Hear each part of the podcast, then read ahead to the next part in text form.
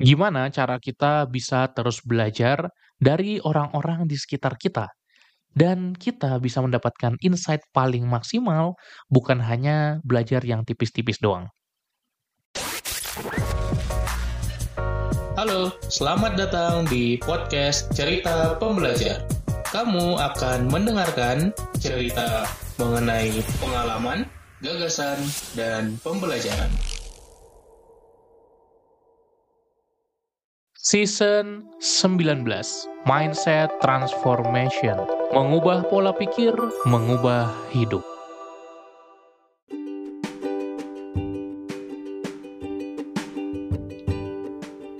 Hai hai hai, balik lagi bareng gue Umar di podcast Cerita Pembelajar. Tentu saja kita mau belajar banyak dari orang lain Entah itu secara asinkron seperti podcast yang sedang lo dengerin Atau ketemu orangnya langsung diajarin, di mentoring oleh orang tersebut Belajar juga bisa dari segala hal, segala orang, segala tempat, dan segala sumber. Bukan hanya orang-orang yang populer sebagai kreator saja. Kita bisa belajar dari teman kita, sahabat kita, orang tua kita, keluarga kita, bahkan orang random yang kita ketemu di jalan. Caranya adalah dengan mengosongkan gelas. Semakin kosong gelas kita, maka semakin mudah diisi. Beda halnya kalau gelas kita terisi penuh, maka tidak bisa dituang air lagi ke dalamnya dan tumpah. Maka saat kita memang mau belajar dari seseorang, usahakanlah untuk kosongkan gelas. Artinya, simpan dulu, buang dulu ilmu yang kita miliki.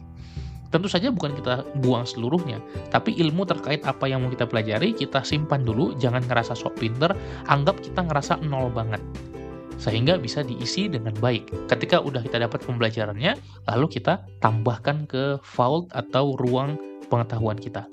Nah, lo juga bisa pakai Knowledge Management System atau PKM, Personal Knowledge Management, pakai Notion, dan berbagai aplikasi lainnya untuk merekam semua catatan itu. Tapi kita nggak bahas itu, kita ingin bahas bahwa kita perlu mengosongkan gelas untuk mengisi ilmu-ilmu baru. Nanti kita bisa compare kok, yang mana yang kita rasa lebih benar, lebih tepat. Tapi saat sesi belajarnya, saat sesi ngobrolnya, kosongkanlah gelas lo terlebih dahulu.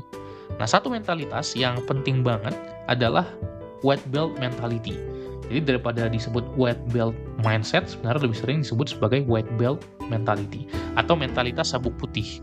Jadi kalau kita berlatih bela diri, karate kah, judo, eh, taekwondo dan lain-lain, maka kita biasanya mulai dari sabuk putih. Putih melambangkan suci ketika kita baru mulai dan belum tahu apa-apa.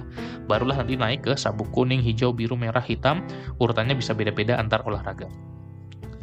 Jadi, di bela diri mana pun, white belt atau sabuk putih adalah yang paling beginner, yang paling pertama kali kita mulailah.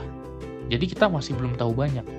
Jadi ketika kita mau belajar hal baru, kita perlu pasang sabuk putih kita. Itulah cara mengosongkan gelas.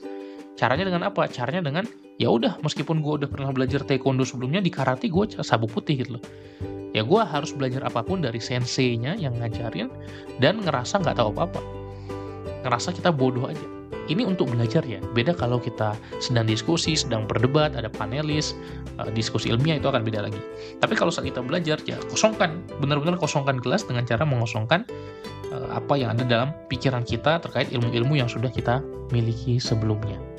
Maka kalau kata Socrates ya, the only true wisdom is knowing you know nothing kebijaksanaan sesungguhnya adalah tahu bahwa kita sebenarnya nggak tahu apa-apa ketika kita baru pertama kali belajar, kita biasanya langsung songong tuh, langsung ngerasa tahu banyak hal. Ini namanya efek Dunning-Kruger. Tapi ketika kita udah mulai belajar, ternyata kita baru tahu yang kita sudah kuasai itu nggak ada apa-apanya, itu masih tipis banget gitu. Kita masih cupu banget, masih banyak lagi hal yang perlu dipelajari. Sampai nanti udah paling ahli baru merasa balik lagi confidence-nya ya, balik lagi kepercayaan dirinya. Jadi kalau kita baru belajar dikit ya jangan songong gitu loh. Jangan ngerasa udah tahu banyak, masih banyak kok yang belum kita tahu.